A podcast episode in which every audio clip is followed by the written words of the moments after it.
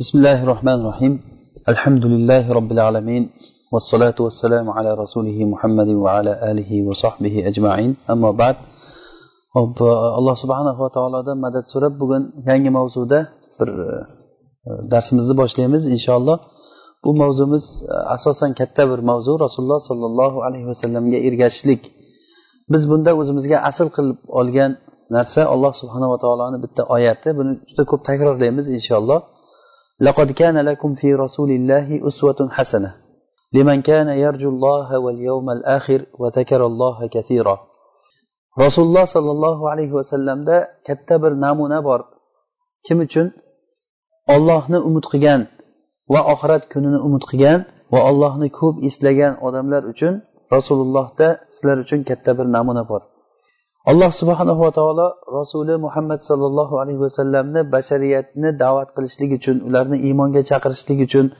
ularga haqni tanitishligi uchun zulmatdan nurga olib chiqishligi uchun rasulullohni yubordi.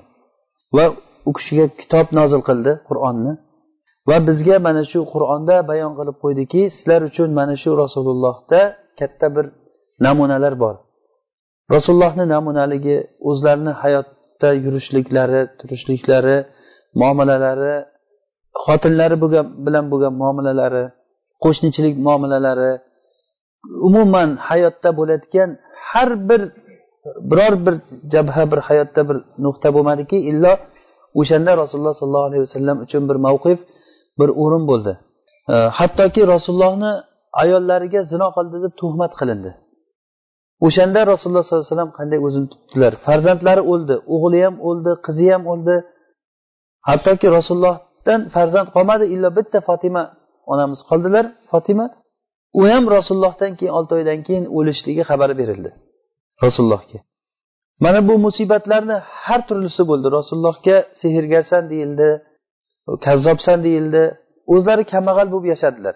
Kambag'al kasal ham bo'ldilar sehr ham qilindilar dushmanlari bilan jang qildilar safarga chiqdilar iqomatda turdilar sovuqda qoldilar xiyonatni ham ko'rdilar.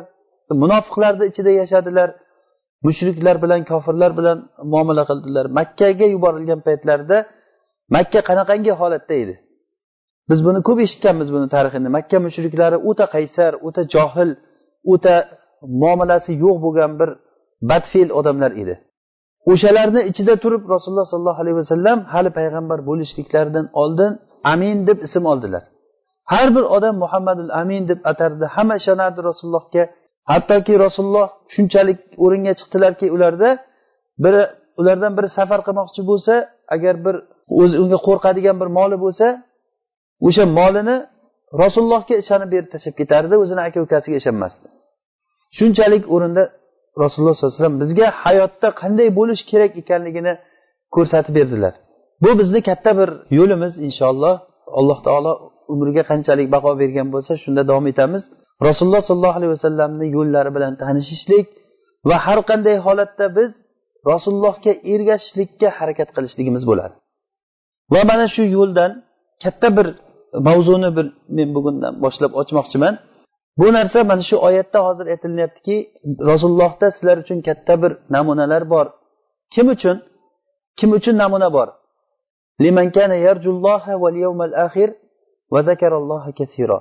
Ollohni va oxirat kunini umid qilgan va ollohni ko'p eslagan odamlar uchun. Mana shu odamlar uchun katta bir namuna bor deyaptimi? Demak ollohni va oxirat kunini ko'p umid qilgan va ollohni ko'p eslagan kishilarni eng birinchi o'rinda turadigani biz namuna olishligimiz uchun sahobalar bo'ladi. Biz mana shu bobni rasulullohga ergashishlikni sahobalardan boshlasak inshaalloh sahobalar to'g'risida suhbat qilamizda va suhbatimizni davomidan yana inshaalloh e, agar umrimizda baqo bo'lsa rasululloh sollallohu alayhi vasallamga ergashishlik haqida yana suhbatimizni davom ettiramiz. Va mana shu rasulullohga ergashuvchilarni eng kattalari sahobalar bo'lganligi uchun biz sahobalar to'g'risida suhbatlashmay ilojimiz bo'lmaydi. Sahobalar haqida gapirishlikdan oldin sahobalarni bir tarixini va ularni tarixiy kelib chiqishligini va ularni maydonlardagi jasoratlari ularning shaxsiyatlari haqida gapirishlikdan oldin biz sahobalar to'g'risidagi aqidamizni to'g'irlab olishligimiz kerak bo'ladi. Bu juda ham muhim har bir mo'minga mo'min kishiga bu muhim bo'lgan narsa. Sahobalar to'g'risida tarix o'qilishligidan oldin siyrat kitoblarini o'qilishligidan oldin ular to'g'risida biz aqidamizni to'g'irlab olishligimiz kerak. Chunki sahobalar to'g'risidagi bo'lgan aqida bizni iymonimizni bir juzi hisoblanadi. Sahobalar to'g'risidagi aqida bizni iymonimizni juzi hisoblanadi. Shuning uchun ham ko'rasizki qaysiki bir imom aqida to'g'risida kitob yozsa albatta o'shanda sahobalar to'g'risida to'xtalib o'tadi. Kitobni hajmi katta bo'lsin kichik bo'lsin. Hattoki bir varaqlardan tashkil topgan kitob risola bo'lsa ham o'shanda sahobalar to'g'risida albatta bir so'z boradi. Ular to'g'risida bizni ahli sunna va jamoa o'laroq bizni aqidamiz ularda qanday bo'lishi kerak sahobalarga? Mana shu narsa shu bugungi kunda shu bugungi bizni yashaydigan voqeimizda mana shu aqida shunchalik darajada muhim ekanligi o'zini kuchini ko'rsatyapti.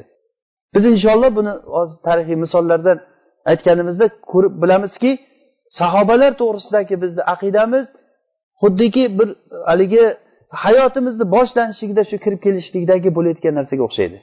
Sahobalar to'g'risidagi qaysi bir noto'g'ri tushuncha bo'lsin ularni ayblagan yoki so'kkan ularni haqorat qilgan kishilar bo'lsin yo o'zi fosidligi uchun fosiqligi uchun qalbida marazi borligi uchun qilgan bo'lishdi yoki bo'lmasa johilligidan bo'lgan. Ko'p odamlar ahli sunnaman deb yurgan odamlar sahobalar to'g'risida noto'g'ri tushunchada. Mana bu narsa ularning johilligidan va din dushmanlarini ta'siridan kelib chiqqan narsa. O'sha uchun men takror aytaman sahobalar to'g'risida biz tarixiy o'qishimizdan oldin ularni qaysi diyorda yashab o'tgan kimlar ular deyishlikdan oldin ular to'g'risida biz aqidamizni to'g'irlab olishligimiz kerak bo'ladi. Sahobalarni tarixi xuddiki boshqa bir bir toifaga o'xshab o'rganmaymiz biz. Ya'ni bir shiyalar toifasi bo'lgan manaqa bo'lgan. Ular bir tarixda o'tgan jasoratli qo'rqmas bir to'da bo'lgan guruh bo'lgan. Rasulullohni atrofida yurgan hech narsadan qaytmagan degan ma'noda o'rganmaymiz biz. Biz ularni aqida tutib chunki bizga keladigan din o'shalardan kirib keldi bizga. Alloh taolo qur'onda al yawma akmaltu lakum dinakum oyatini nozil qilgan paytda o'sha sahobalarni ustiga nozil bo'ldi. Aynan sahobalar ushlab turgan din komil din edi. O'z uz o'zidan mantiq bilan chiqadiki biz komil dinni olmoqchi bo'lsak o'sha odamlarni yo'lini tutmasak bo'lmas ekan degan gap chiqadi. Ular bizga hayotda qanday qilib bu dinni tadbiq qilish kerak ekanligini ko'rsatib berdi sahobalar bizga. Ahli sunna val jamoani asli kelib chiqishligi bu sahobalar to'g'risidagi aqidamiz shundan boshlanadiki usmon roziyallohu anhu o'ldirilgandan keyin fitna bilan usmon roziyallohu anhu o'ldirildilar va o'shanda sahobalar o'rtasida fitna chiqdi. Usmonni aynan o'ldirgan odamlar misrdan kelgan shomdan kelgan e, buzg'unchi odamlar bo'lgan aslisi bularni boshida abdulloh ibn saba yahudiy degan bir yahudiy turardi. Mana shu yahudiy o'zini islomini zohir qilib odamlarga o'zini musulmon deb tanitib uni ishi islomni buzish bo'lgan. Va o'zini maqsaddosh bo'lgan unga maqsaddosh bo'lgan odamlar yig'ilib misrdan va shomdan bo'lgan odamlar o'sha madinada fitna qilib usmon roziyallohu anhuni sahobalar ichida turgan holatda o'ldirdi. Usmon o'ldirilishligi bilan katta bir fitna eshigi ochildi. Ali roziyallohu anhu xilofatni tiklaymiz ana o'shandan keyin biz usmonni o'ldirgan odamlardan o'ch olamiz dedilar. Muaviya roziyallohu anhu o'sha paytda shomda voliy bo'lib turgan edi. Muaviya usmon roziyallohu anhuni muaviya roziyallohu anhu amakisini o'g'li bo'ladi. Ayni usmonni qonini ya'ni xunini olishlikka haqdor odam bo'lgan.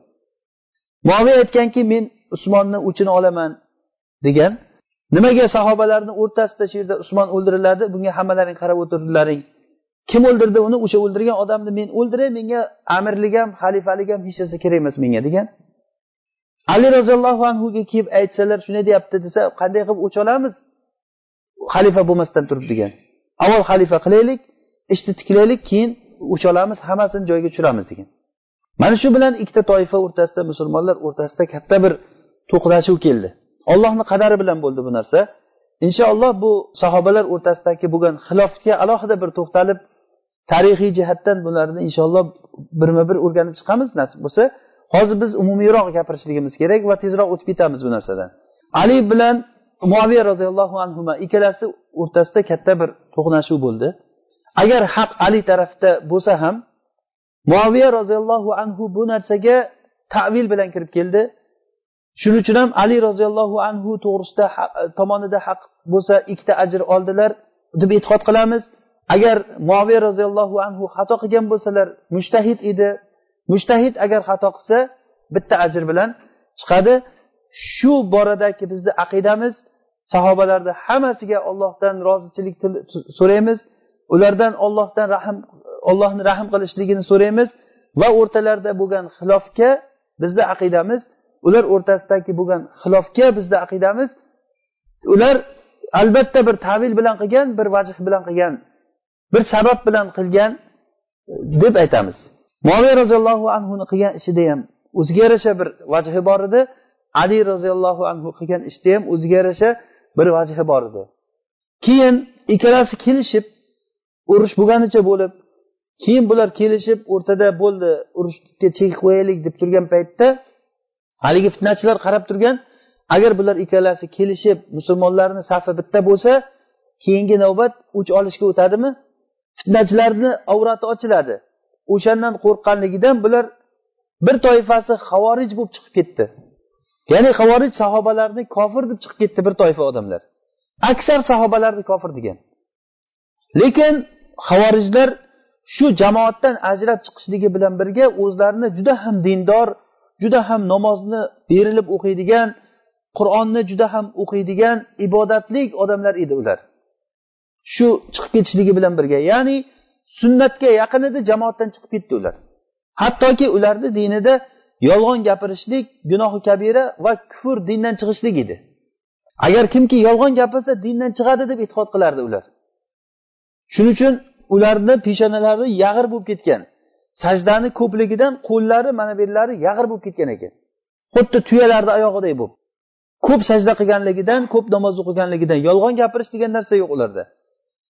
Lekin o'shanday bo'lishligi bilan ularni ichida boyagi fitnachilari bo'lgan ichida solih kishilari ham bo'lgan bir toifa odam ajralib chiqib havorij bo'lib aksar sahobalarni kofir deb chiqib ketdi. Bular havorij deb ismlanib qoldi va yana bir toifa bularni qarshisida ali roziyallohu anhu tarafda turib ular havorijlar alini kofir desa bular alini payg'ambarlik darajasigacha ko'tarib yubordi ularga javob berishlik uchun. Hatto ba'zilari alini sen haqiqiy ilohsan deydigan darajagacha bordi. Rivoyatlarda kelishicha ali roziyallohu anhu o'shalarni yoqib yuborgan degan. Sen ilohsan degan odamlarni ali roziyallohu anhu yoqib yuborgan degan. Abdulloh ibn sabaul yahudiy to'g'risida ham har xil gaplar bor qochib ketgan deydi. Ba'zilar ali roziyallohu anhu ushlab o'ldirgan uni deydi. Lekin har qalay mana shu yerda bu ali roziyallohu anhu tarafida turgan odamlar shiya bo'lib qoldi. Boyagi chiqib ketgan toifa havorij bo'lib qoldi. Islomdagi birinchi chiqqan aynib chiqqan toifalar ikkita toifa mana shu bo'ldi. Bir tomoni havorij bo'ldi bir tomoni ali roziyallohu anhu tarafida. O'zlarini ali faraz alini tarafida turibmiz deb ko'rsatgan odamlarni aslida o'sha fitnachilarni bir toifasi edi ularni aksari. Ularni aksari ular narigi tomonda ham xuddi shunday odamlar bor edi. Havorijlarni ichida ham boyagi fitnachilar bor edi shiyalarni ichida ham fitnachilar bor edi. Ikkala tomon ham bir biriga g'irt teskari u havorij taraf bularni kofir deb qilardi. Bular bo'lsachi alini ular kofir desa bular alini hatto payg'ambarlik darajasigacha chiqarib uni rasulullohdan keyin payg'ambar bo'lishligi to'g'risida hadislar to'qib chiqardi. Bir qancha alini fazli to'g'risida ming minglab hadislar to'qildi. Rasulullohdan hadis deb turib yolg'ondaqa hadis, hadislar to'qib chiqilindi. Mana shu bilan shiyalar va havorijlar chiqdi. Havorijlar jamoatdan chiqib ketdi. Lekin shiyalar jamoatni ushlab qoldi sunnatdan chiqib ketdi ular. Ya'ni sunnatdan chiqqanligi ular yolg'on to'qidi. Rasulullohni nomiga yolg'on to'qidi. Va shu paytda havorijlarda yolg'on to'qishlikni hukmi nima edi? Kofirlik edi dindan chiqib ular yolg'on gapirmaydi havorijlar lekin ular g'ulu ketib ali roziyallohu anhuni ham aksar sahobalarni kofirga chiqarib chiqib ketgan bo'lsa bu yoqda shiyalar bo'lsa yolg'onchi bo'lib qoldi. Sunnatdan chiqib ketdi lekin jamoatda qoldi. Havorijlar jamoatdan chiqib ketdi sunnatda turdi. Shiyalar bo'lsa jamoatda turdidan keyin sunnatdan chiqib ketdi. A lekin aksar sahobalar bo'lsa katta jamoat ular ahli sunnati val jamoa bo'lib turib to'g'rilikda qoldi ular. Ham jamoatda qoldi ham sunnatda qoldi. Mana shu paytdan boshlab ahli sunna val jamoa istilohi paydo bo'ldi. Ahli sunna degani rasulullohni yo'lida turgan yolg'on to'qimagan sunnatni o'zgartirmagan odamlar degani val jamoati degani jamoatdan chiqib ketmagan odam degani. Havorijlar jamoatdan chiqib ketdi shiyalarchi sunnatdan chiqib ketdi bular. Mana shu bilan ahli sunna val jamoat ismini olgan. Ahli sunna val jamoani birinchi o'sha boshida turayotganlar sahobalar bo'ladi. Biz ahli sunna val jamoaman deb davo qilayotgan odamlar. Har bir odam o'zini ahli sunna val jamoaman deb davo qiladi. Lekin mana shunda ahli sunna va jamoani o'ziga yarasha yo'li bor.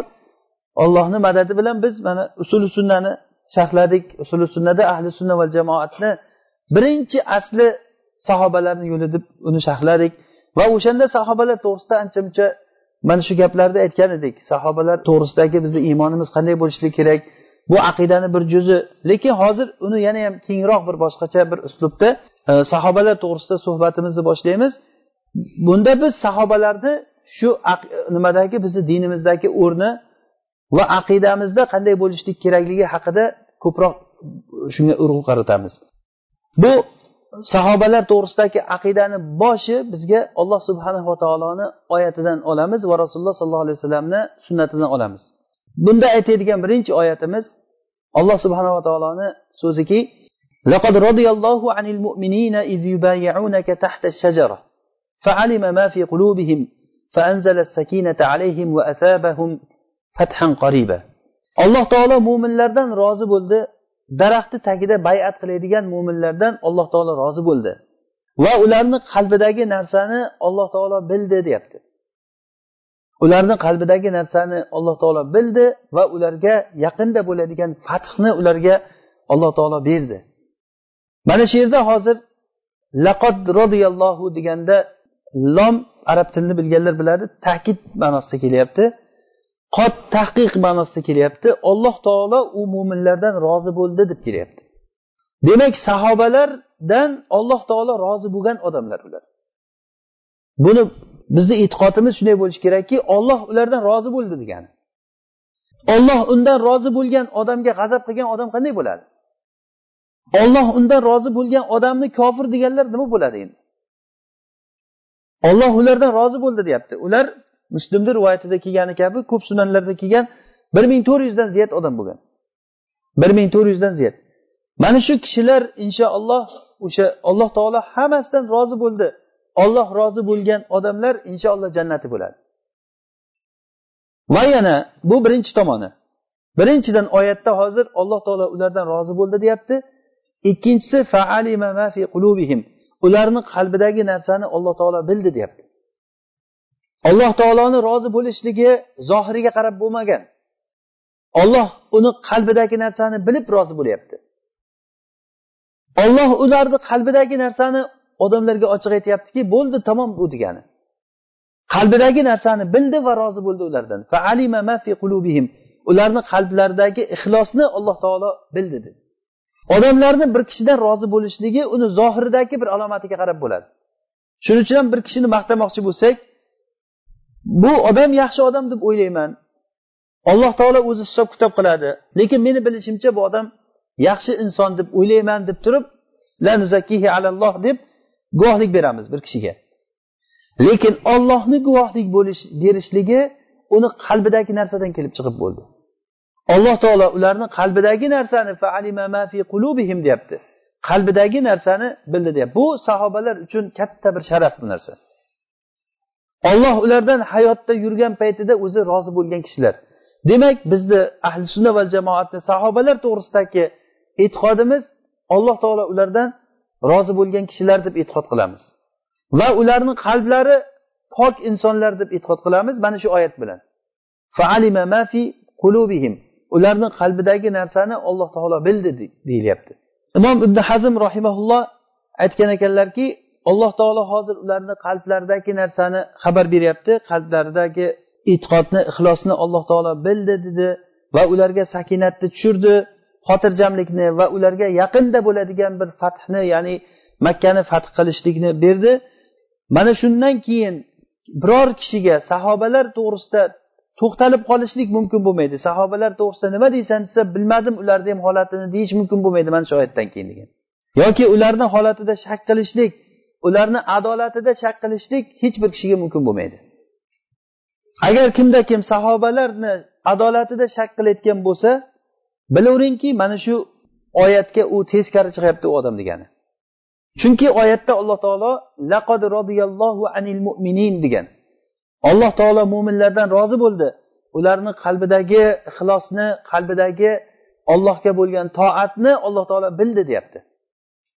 Muslim rivoyat qilgan hadisda rasululloh sollallohu alayhi vasallam aytadilar ashabi shajarodan ya'ni rasululloh sollallohu alayhi vasallamga daraxt tagida da'vat qilgan ashabi shajarodan biror kishi do'zaxga kirmaydi degan ekanlar la yadkhulun naro inshaalloh min ashabi shajarati ahadun الشجرة أحد الذين بايعوا تحت الشجرة أي تحتها o'sha daraxt tagida da'vat bayat qilgan sahobalardan birortasi do'zaxga kirmaydi dedilar muslim rivoyatida va yana alloh taolo boshqa bir oyatda aytadiki للفقراء المهاجرين الذين أخرجوا من ديارهم وأموالهم يبتغون فضلا من الله ورضوانا وينصرون الله ورسوله أولئك هم الصادقون ya'ni bu oyatni o'zi aytilishligi oldinda fay to'g'risida gapirilgan ya'ni fay degani musulmonlar hech qanday urush qilmasdan ularga tushib qolgan o'ljalar degani. O'shanaqangi o'ljalar kimga beriladi deyilganda shuni javobi bo'lib turib oyatda kelyaptiki bu birinchi bo'lib turib muhojirlarga beriladi. Faqir muhojirlarga beriladi. O'sha muhojirlarni sifatlarini aytyaptiki ular diyorlaridan chiqarilgan va mollaridan ollohni roziligini istab diyorlardan va mollaridan chiqarilgan odamlar. Ollohni fazli va roziligini istab chiqqan odamlar. Ollohni diniga yordam beraman degan odamlar. Olloh va rasuliga yordam bergan odamlar. Ana o'sha odamlar ular haqiqiy qalbida sidqi bor bo'lgan sodiq kishilar ular deyapti.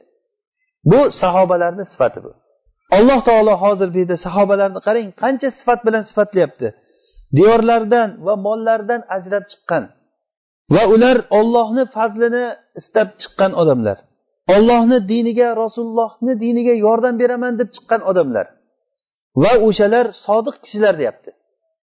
Bu sifatni kim sifatlayapti sahobalarni bu sifatlar bilan? Robbul alamin sifatlayapti. Shuni o'zi yetadi o'zi sahobalarga. Mana shu narsani o'zi yetadi. Ular olloh uchun diyorlaridan va mollaridan ajrab chiqqanligi olloh va rasulini dinini quvvatlayman deb chiqqanligi ollohni fazlini istab chiqqanligi va ularni sodiq kishilar ulaika humus sodiqun deb ularni sidiq bilan o'zi alloh taolo shahodat beryaptiki ular sidiq haqiqiy to'g'ri yo'ldagi odamlar ular. Va yana ikkinchi toifa sahobalardan oldin iymon va hovliga ega bo'lib turgan odamlar ya'ni ansorlar sahobalar muhojirlar borishligidan oldin ular madinada iymonli bo'lib hovlilar bilan joylar bilan muhojirlarni kutib olgan. Ularga hijrat qilib kelgan kishilarni sevadigan yaxshi ko'radigan odamlar.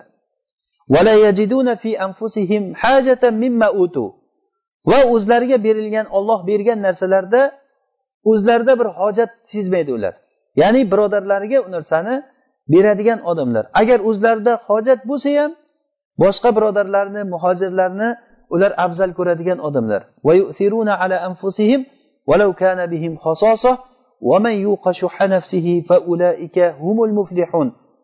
Kimki baxillikdan saqlansa o'sha odam najot topadi deb bularni bo'lsa najot topuvchi deb turib sifatlayapti nechta sifat keldi hozir ularga?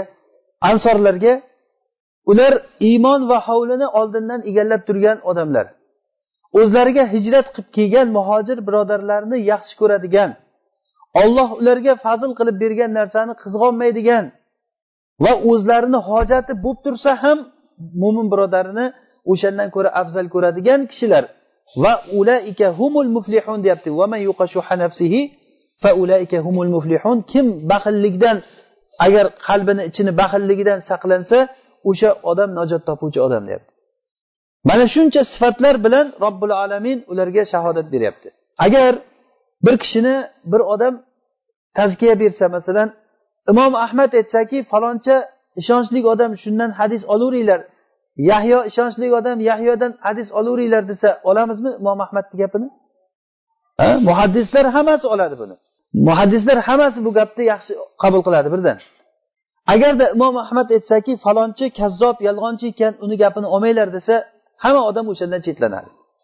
Hattoki imom shofiy rahimaullohni bir og'iz gaplari bilan haddasani siqotun degan gapda siqo deganda menga ishonchli odam gapirib berdi degan o'sha ishonchli odamdan maqsad imom ahmad bo'lgan. Butun ummat mana shu bilan imom ahmadni maqtaydi chunki shofiy uni siqo deb aytdi deb. Shofiyni bir og'iz gapi bilan menga bir siqo ishonchli odam gapirib berdi degan gapi bilan ummat imom ahmadni maqtaydigan bir nimalar o'rinlarda gapirayotgan gap qilib ushlab oldi buni. Endi robbil alamin aytsa ular moli jonini tashlab kelgan odamlar diyorlarini tashlab kelgan ollohni fazlini istab ollohni va rasulini diniga yordam beraman deb chiqqan odamlar ular. Ana o'sha odamlar sodiq ular haqiqiy to'g'ri to'g'ri odamlar ular deb robbil alamin gapirib o'tirsa manaqdan to'rttasi chiqsadan keyin aytsaki ular hammasi kofir desa qanaqa odam bo'ladi bu? Qanday qilib turib ularni biz qur'onga iymon keltirgan odamlar deyishimiz mumkin bo'ladi?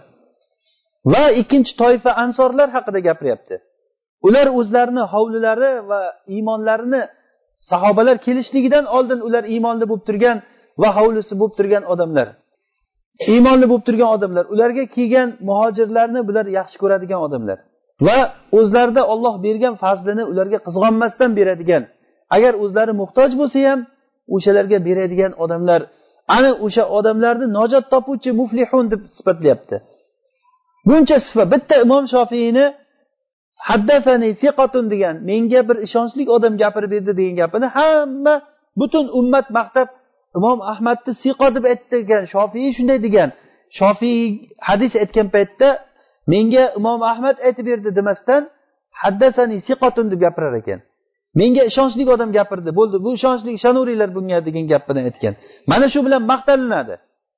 Endi robbil alamin shuncha sifat bilan sifatlagan bo'lsa shuncha gaplar gapirilib turgan holatda ular hammasi kofir degan odamlarni nima deyish mumkin endi ular? Va uchinchi toifa odamlar يقولون ربنا اغفر لنا ولإخواننا الذين سبقونا بالإيمان ulardan keyin kelgan odamlar endi tobeinlar va ulardan keyin qiyomat kunigacha bo'layotgan odamlar ular ularga ehson bilan ya'ni yaxshilikda ularga ergashgan odamlar muhojir va ansorlarga yaxshilik ustida ularga ergashgan odamlar ular o'zlaridan oldingi kishilarga yaxshilik bilan duo qiladi ey robbim bizni va bizdan oldingi o'tgan birodarlarimizni o'zing kechirgin qalbimizda ularga nisbatan g'il g'ashlik qo'ymagin deb duo qiladi. Demak uchinchi toifa mana shu odamlar bo'ladi. Bu ikkita toifa o'tib ketdi. Birinchi toifa muhojirlar edi. Ikkinchi toifa ansorlar edi. Bular o'tib ketdi. Uchinchi toifa yaxshilik bilan ularga ergashgan odamlar. Biz mana shu uchinchi toifa bo'lishlikka harakat qilishligimiz kerak. Bu uchinchi toifa bo'lishligi uchun sharti shuki siz ularga ehson bilan ya'ni go'zal yo'l bilan chiroyli yo'l bilan ularga ergashgan bo'lishingiz kerak va qalbingizda ularga nisbatan g'ilg'ashlik bo'lmasligi kerak. Agar kimda kim qalbida ularga nisbatan g'ilg'ashlik bo'ldimi demak o'sha uchinchi toifani ichiga kirmaydi bu odamlar. Imom molik rahimaulloh mana shu hadisdan dalil olib mana shu hadisdan dalil olib sahobalarni so'kaydigan odamlarga baytul moldan o'sha faydan berilmaydi degan. Chunki fay berilayotgan odamlar baytul moldan o'lja berilayotgan odamlar uchtani sanadi alloh taolo. Birinchi muhojirlarni ikkinchi ansorlarni uchinchi mana shu yaxshilik bilan ergashgan duo qiluvchi mo'minlarni bular duo qilishni o'rniga so'kyapti bular. Oysha roziyallohu anhu aytganlarki odamlar sahobalarga duo qilishlikka buyurilindi ular bo'lsa so'kdilar degan. Va mana shu sahobalarni so'kkan odamlar hozirgacha davom etib kelib turib bizni ummatimizga hozirgacha boshga bitgan balo bo'lgan odamlar mana shular bo'ladi. Qachon islom ummatiga bir dushman bostirib kelgan bo'lsa o'shanga yordam bergan. Tarixga qaravering. Qachon bostirib kelgan bo'lsa o'shanga joy bergan osh non bilan tuz, tuz non bilan chiqqan ularni oldiga. Musulmonlarni zaif joylarini olib borib ko'rsatgan. Kuchlari bo'lgan paytda hamma kuchini ahli sunnani qarshisiga ishlatgan odamlar. Demak bu o'z uz o'zidan musulmonlar o'rtasida katta bir ajralish bo'lib qolyapti. Hech qachon hayotda mumkin emaski sahobalarni so'kib turgan odam bilan siz birlashishligingiz hayotda mumkin emas. Chunki bu dinni shunday tagidan qo'parib urgan odam bo'ladi. Bizni dinimizda eng asosiy sahobalar turgan bo'lsa sahobalarni ular kofir deydigan bo'lsa sahobalarni adashgan odamlar deydigan bo'lsa va ba'zi bir johil bo'lgan odamlar o'shalarni gapini eshitib tarixdan qaysi bir kitoblardan kim yozganligini ham o'zi bilmaydi. Tarix deb o'sha haligi brukkelman deydi boshqa deydi qayerdagi germanda germanlarni nimasini muhaqqiqlarni maqtaydigan bir johil avom mo'minlar bor. Ana o'sha kitoblarni o'qib turib sahobalar to'g'risida noto'g'ri bir tushunchalarga kelib qolinadi. O'sha uchun ham biz sahobalar to'g'risida tarix o'qishimizdan oldin ularni siyratlarini o'qishligimizdan oldin ular to'g'risida biz aqidamizni to'g'irlab olishligimiz kerak bo'ladi. Sahobalardagi bizni aqidamiz ularga rahm so'rashligimiz kerak alloh taolodan. Ularga rozilik so'rashligimiz kerak alloh taolo rozi bo'ldi ulardan olloh rozi bo'lsin ulardan deyishimiz kerak. Va ularni biror bir yomonlik bilan sifatlamasligimiz kerak. Kamchilik bilan ayb bilan sifatlamasligimiz kerak. Va ular o'rtasida bo'lgan kelishmovchiliklarni albatta bir tavil bilan bir vajhi bilan bir tomoni bilan zikr qilishligimiz kerak. Masalan muaviya roziyallohu anhu bilan ali roziyallohu anhu o'rtasidagi xilofda ikkalasini ham o'ziga yarasha hujjatlari bor edi. Agarchi ali roziyallohu anhu haqqa yaqinroq bo'lsa ham lekin muaviya roziyallohu anhu o'sha joyda mushtahid edilar. Musulmonlarga ko'pchilikni ichida dars berib yurayotgan ba'zi bir mudarrislarni og'zidan eshitib qolyapmiz. Yaqinda men bir kishidan eshityapmanki muaviya roziyallohu anhu hech kim hech kim bo'lmagan o'zi deyapti. Rasulullohni qarg'ishiga qolgan odam u deyapti bir kuni rasululloh chaqirgan ekan muoviyani chiqmagan yana chaqirsa yana chiqmagan ovqat yeb turgan ekanlar keyin qorning to'ymasin degan. Rasululloh shu bilan qorni to'ymayotgan qolgan ekan. Yesa ham qorni to'ymas ekan. Bu hadis o'zi muslimda kelgan. Muslimda hadis kelganki muoviy roziyallohu anhu rasululloh chaqirganlarida ovqat yeyapti yana chaqirsalar ovqat yeyapti deganda qorni to'ymasin deganligi o'zini ma'nosi qasd qilinmagan duo bu. Haligi vayhak deganga o'xshash arab tilida. Va undan keyingi qo'shimchasi shundan keyin qorni to'ymay qolibdi degan gap u o'zi kazzobni o'zi qo'shgan gap bu. Shundan keyin qorni to'ymay qolibdi o'zi moviy roziyallohu anhu xosatan sahobalarni ichida o'ta zuhud bilan zohidlik bilan tanilgan odam. Hatto rasulullohni o'zlari ham aytgan muoviya u sovliq ya'ni kambag'al ishtimasi yo'q uni degan. Bo'lmasa amir bo'lgan o'sha e, umoviy roziyallohu anhu shomda amir bo'lgan. Shomda amir bo'lgan paytlarida ham u kishi juda ham zohidlik bilan tanilgan kishi bo'lgan. Umar roziyallohu anhu rasulullohni qarg'ishiga qolgan.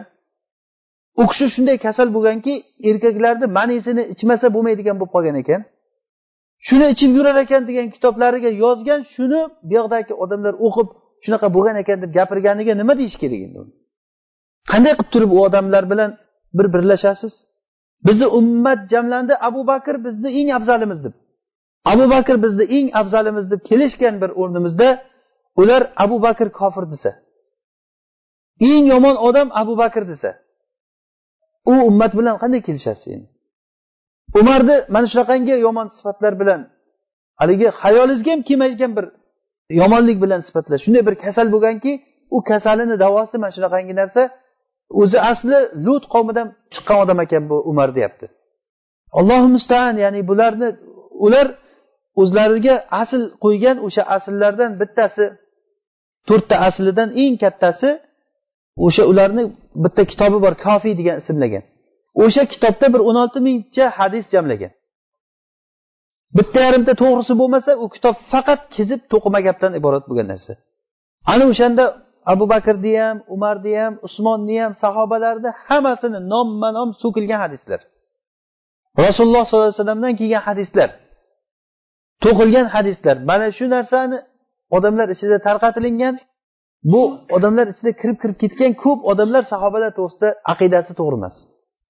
O'sha uchun biz tarix o'qishdan oldin ularni siyratini o'qishlikdan oldin avval aqidani bunda to'g'irlab olishligimiz kerak.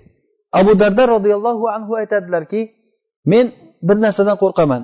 Qiyomat kuni alloh taoloni oldiga borsam ey umayr sen qur'on yodladingmi? desa ha yodladim desa o'sha qur'ondagi har bir farz bo'lgan narsa o'zini farzini so'rasa mendan. Namoz o'qi degan joyi bor namoz o'qidingmi desa yolg'on gapirma degan joyi bor yolg'on gapirdingmi yo'qmi so'ralsa har bitta farzdan bitta bitta bitta so'ralishligidan qo'rqaman deganlar. mana shu xuddi shunday sahobalar to'g'risidagi ham oyatlarda kelyapti. Ulaika humus sodiqun deb kelyapti. Ulaika humul muflihun deb kelyapti. Ular to'g'ri odamlar ular najot topgan odamlar olloh ulardan rozi bo'ldi deb kelyapti. Yana qanaqangi sifat kerak bizga? Qiyinchilik paytda rasululloh sollallohu alayhi vasallamga ergashgan odamlar ular. Laqad taballohu ala nabiyyi vallazina amanu. الذين اتبعوه في ساعة العسرة ya'ni alloh taolo payg'ambardan va u kishiga ergashgan mo'minlardan rozi bo'ldi ularni tavbasini qabul qildi ular rasulullohga qiyinchilik paytida ergashgan odamlar ular mana bu oyat tavba surasidagi bu oyat sababi nuzulni bilasizlar rasululloh sollallohu alayhi vasallam jihodga odamlarni chaqirgan paytlarida o'sha paytda aynan o'sha tabuk g'azoti tabuk bu shom tarafdagi madinaga bir oylik masofa yo'l. Eng qiyinchilik paytida issiqni o'ta issigan paytida va nima odamlarni taomi tugagan paytida xurmolar endi pishaman deb turgan paytda bo'lgan.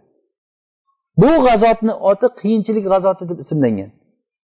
Ana shu paytda rasululloh sollallohu alayhi vasallam jihodga boramiz deb odamlarni chaqirdilar. Biror bir g'azotga chiqsalar uni qayoqqa ketayotganligini ochiq aytmasdilar rasululloh. Agar bu yoqqa bormoqchi bo'lsa bu tomonga qarab chiqib ketardi.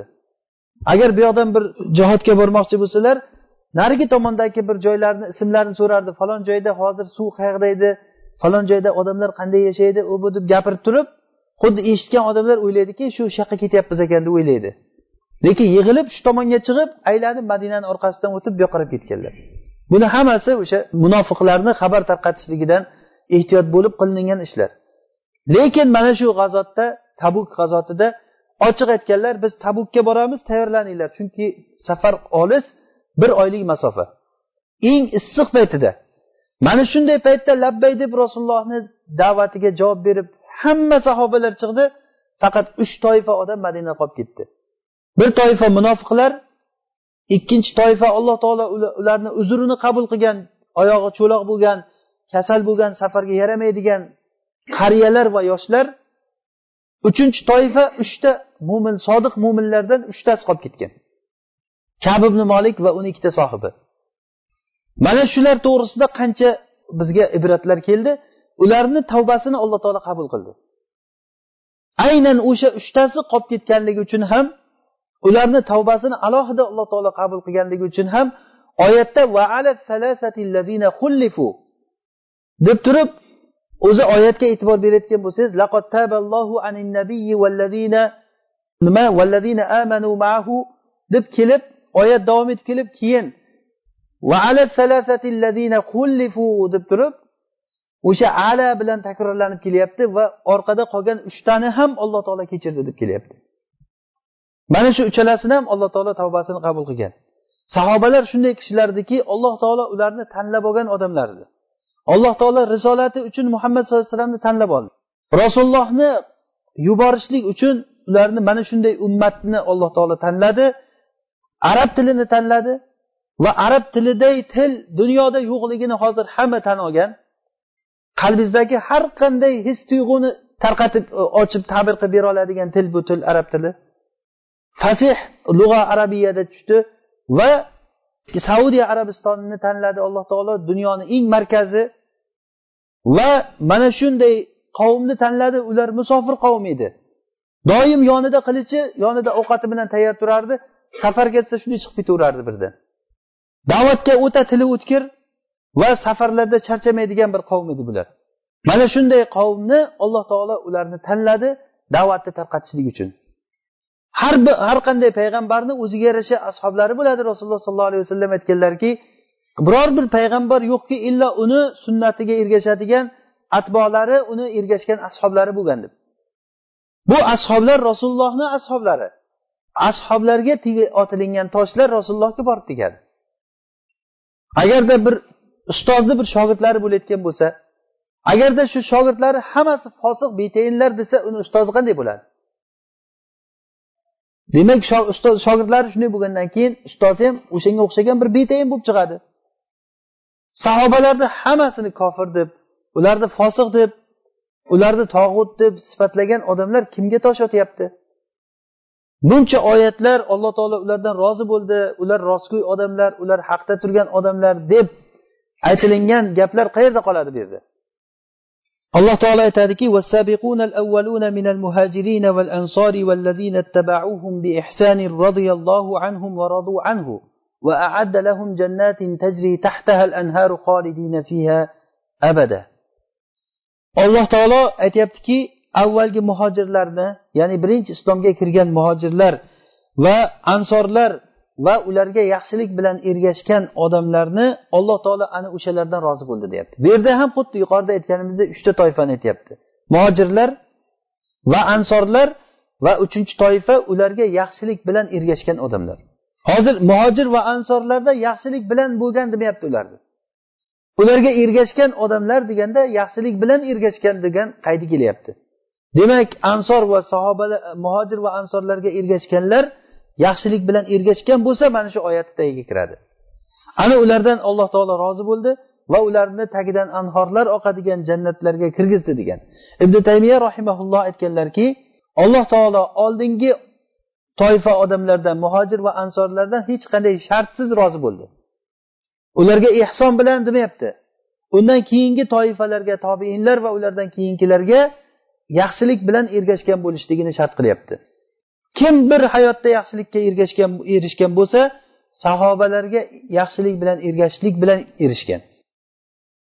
Alloh taolo aytadiki la yastavi minkum man anfaqa min qabli al-fathi wa qatal. Sizlardan sizlardan ya'ni sahobalarga aytilyapti. Makka fath bo'lishligidan oldin nafaqa qilib molini nafaqa qilgan va jihod qilgan kishilar hech qachon undan keyingi bo'lgan odamlar bilan teng bo'lmaydi degan. Agar taroziga solib qaralganda birinchi boshda o'zini molini nafaqa qilgan va olloh yo'lida urushgan odamlar bular bilan fathdan keyingilar teng bo'lmaydi degan. Albatta har birini o'ziga yarasha ajri bor. Husna. Hammasiga alloh taolo yaxshilikni va'da qilyapti. Undan keyingilarga ham. Lekin ajr savobda eng katta o'rinda turayotganlar fathdan oldin islomga kirgan odamlar. Fathdan oldin ular molini nafaqa qilgan. Rasululloh sollallohu alayhi vasallam bir kuni abu bakr bilan umar roziyallohu anhu o'rtasida talash bo'lib qolgan. Gapda bir kelishmay qolgan ikkalasi. Shunda abu bakr xafa bo'lgan umardan. Umar meni kechirgin deb abu bakrni orqasidan borgan abu bakr achchiqlanib ketdi. Uyiga kirib ketguncha orqasidan borgan shu umar meni kechir deb turgan joyda abu bakr eshikni yopib qo'ygan. Keyin umar qaytib kelgan. Qaytib ketgandan keyin keyin rasululloh sollallohu alayhi vasallamni oldiga borganda rasulullohga aytib bergan ey rasululloh mana shunday mana shunday bo'ldi biz kelishmay qoldik. deb aytganda abu bakr achchiqlanib kelgan rasululloh sollallohu alayhi vasallam abu bakrni ko'rib bu sohiblaringga bir gap bo'lganga o'xshaydi. Xafa bo'lib yuribdi bu degan. Keyin umar aytib bergan ey rasululloh men bilan shunaqa shunaqa bo'lib qoluvdi kelishmay qoldik degandan rasululloh shunchalik g'azab qildilarki sizlar bu odamni qo'yasizlarmi yo'qmi? degan. Hammalaring meni yolg'onchi degan paytlaringda bu meni tasdiqladi degan. Menga vallohi abu bakrni moliday hech kimni moli manfaatli bo'lmadi degan. O'shandan keyin hatto umar rasulullohni bu gaplaridan tiz cho'kib qolgan. Ey rasululloh men zol abu bakrni o'zi ham yalinib qolgan. Ey rasululloh men zolim edim mendan o'tuvdi o'zi. Deganda rasululloh to'xtamasdan gapiraverdilar. O'shandan keyin abu bakrga hech kim gapirmaydigan bo'lib qoldi degan. Sahobalarni ichida hech kim abu bakrni yuziga qarab gapirolmaydigan bo'lib qoldi degan. Hatto abu bakrday kishi ya'ni birinchi bo'lib turib rasulullohga molini jonini hamma narsasini sarflagan odam. Undan keyingi sahobalar. Rasulullohni yonida jihodlar maydonlarida turib molini jonini sarflab nafaqa qilgan va urushgan jihod qilgan kishilar. Mana shular bilan undan keyingilar barobar bo'lmaydi deyaptimi? Endi biz bilan ularni muqorana qila olasizmi? Demak har bir narsa uchun alloh taolo o'zi qadr qilgan. Siz nimaki bir yaxshilik qiling? O'sha islom g'arib bo'lib turgan paytda qilingan ish bilan hamma qilib yurgan paytda qilingan ishda albatta farqi bo'ladi uni. U hamma ham qilaveradi keyin qilinayotgan bo'lsa. Lekin islom g'arib bo'lib turib islomda yurgan odamlar har xil laqablarni olgan paytda u yerga har xil ta'na toshlar otilingan paytda bularga qo'shilma ertaga bular bilan birga kiyma cho'kkan paytda cho'kib ketasan o'sha uchun yaqiniga bormagin uzoqroq yur o'rtada distansiya saqlab yur degan gaplarni gapirib yurgan odamlar o'zi bilsinki ko'p fazldan ko'p yaxshiliklardan quruq qolib ketadi odam. Eng yutqizgan joyi odam umrini yutqizib qo'yar ekan. Eng qimmatbaho bo'lgan umringiz o'tib ketib qoladi. Solih amallarni qilmasdan yaxshiliklarni qilmasdan odam hayotni o'tkazib qo'yishligi mumkin. Ana shu bu oyatda biz uchun katta bir o'lchov bor. Ya'ni fathdan oldingi urushgan nafaqa qilgan va jihod qilgan kishilar bilan undan keyingilar hech qachon barobar bo'lmaydi deyildi. Hattoki xolid ibn valid bilan abdurahmon ibn avf roziyallohu anhu ikkalasini o'rtasida bir kelishmovchilik bo'lib qolganda xolid abdurahmonni qattiq so'kkan. O'shanda rasululloh sollallohu alayhi vasallam aytdilarki meni ashoblarimni so'kmanglar degan. Meni ashoblarimni deb turib kimga aytyapti? Xolidga aytyapti. Xolid ham sahobiy. Lekin meni ashoblarim deb turib oldindan sahobiy bo'lib kelgan kishilarni nazarda tutganlar. Meni ashoblarimni so'kmanglar. Agarda sizlarni bittalaring uhud tog'ichalik tilloni nafaqa qilsa ham ashoblarimni bir hovuch bergan narsasiga to'g'ri kelmaydi. Bu narsa sahobalar uchun juda ham katta bir rasulullohni shahodati bilan bo'lgan maqtov bu narsa.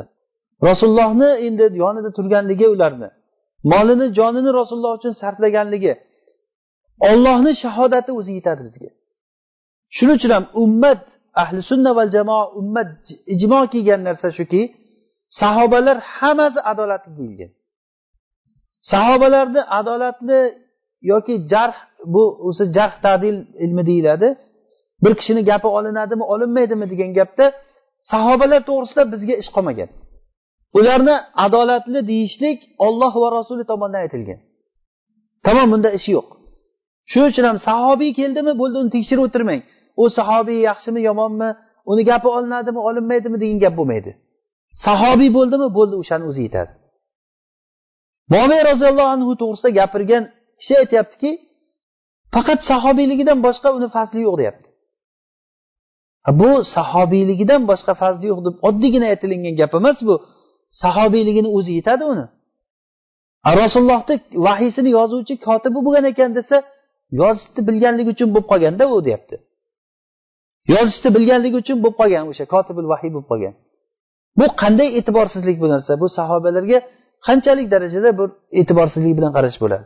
O'shaning uchun bilingki bu narsani biz ko'p takrorlagan bo'lyapmiz chunki muhim bu. Hozirgi bizni hayotimizda ahli sunna va jamoatdan ajralgan odamlar sahobalarni so'kayotgan odamlar ular. Sahobalarni so'kdimi bilingki u ahli sunnaga dushman haqdan tashqaridagi odamlar ular. Va buni tarix ko'rsatdi. O'sha ali roziyallohu anhuni davridan boshlab hozirgacha bizni ummatga kelgan balo kulfatlarni hammasini boshida mana turibdi. Sahobalarga sahobalarni so'kaydigan odamlar turibdi. Ularni ba'zi bir azonni chiroyli aytganligi qur'onni chiroyli o'qiganligi bilan aldanib qoldik biz. Bir paytlar yahudlar bilan urushgan paytda yahudlar bilan urushgan paytda ularni yahudlar bilan urushyapti deb hamma odam qahramon qilib rasmlarni osib tashlaydi hamma joyga haligi bilan urushgan bo'lsa bu qahramon bo'lib qolavermaydi bu. Ana o'sha paytda o'sha odam oysha roziyallohu anhoni zoniya deydigan odamlar ular. Bular bilan hech qachon ahli sunna va jamoa bir kelmaydi. Biz shuning uchun biz o'zimizni aqidamizni yaxshi bilib olishligimiz kerak. Rasululloh sollallohu alayhi vasallamga ergashgan kishilarni eng namunasi sahobalar bo'ladi. Sahobalar to'g'risida inshaalloh keyingi darslarimizda sahobalar to'g'risida suhbat qilamiz. Ularni fazli ularni manoqiblari ularni qilgan ishlarini gapirishlikdan oldin biz ular to'g'risidagi aqidamizni to'g'irlashligimiz kerak bo'ladi. Bugungi mana shu darsimizdan olinadigan foyda shu. Sahobalar to'g'risidagi bizni aqidamiz ularni hammasi adolatli deb bilamiz. Ularni hammasi olloh va rasuli tarafidan maqtalingan. Olloh ulardan rozi bo'lsin. Olloh ularni rahm qilsin. Deymiz ularni hech bir yomonlik bilan eslamaymiz. Na kamsitishlik bilan na yomonlik bilan ularni eslamaymiz. Birortasini ham. Va ular o'rtasida bo'ladigan kelishmovchiliklarga albatta bir tavillar bilan kirishamiz. O'zi asli tilimizni tiyamiz bunda. Sahobalar ichida bo'lgan kelishmovchilikdan o'zi asli tilni tiyishlik bo'ladi. Ibn kasir rahimaulloh tafsirlarda aytgan ekanlarki alloh taolo o'sha avvalgi muhojirlar va ansorlar haqida maqtovlarni aytgandan keyin qanday qilib turib mo'min kishiga loyiq bo'ladiki olloh rozi bo'ldi ulardan alloh taolo rozi bo'ldi ular najot topadigan odamlar deb shahodat berib tursayu bu qur'on o'qiydigan odam qur'onga iymon keltirdim degan odam qanday qilib turib sahobalar to'g'risida noto'g'ri fikrga boradi? Ibn taymiya rahimaulloh aytadilarki bu yuqorida aytgan gapimiz alloh taolo muhojirlar va ansorlardan hech qanday shart qilmasdan ulardan rozi bo'ldi deb aytilindi va undan keyingi uchinchi toifada ulardan rozi bo'lishlik sharti nima ekan? Sahobalarga yaxshilik bilan ergashishlik sharti bilan ulardan rozi bo'ldi.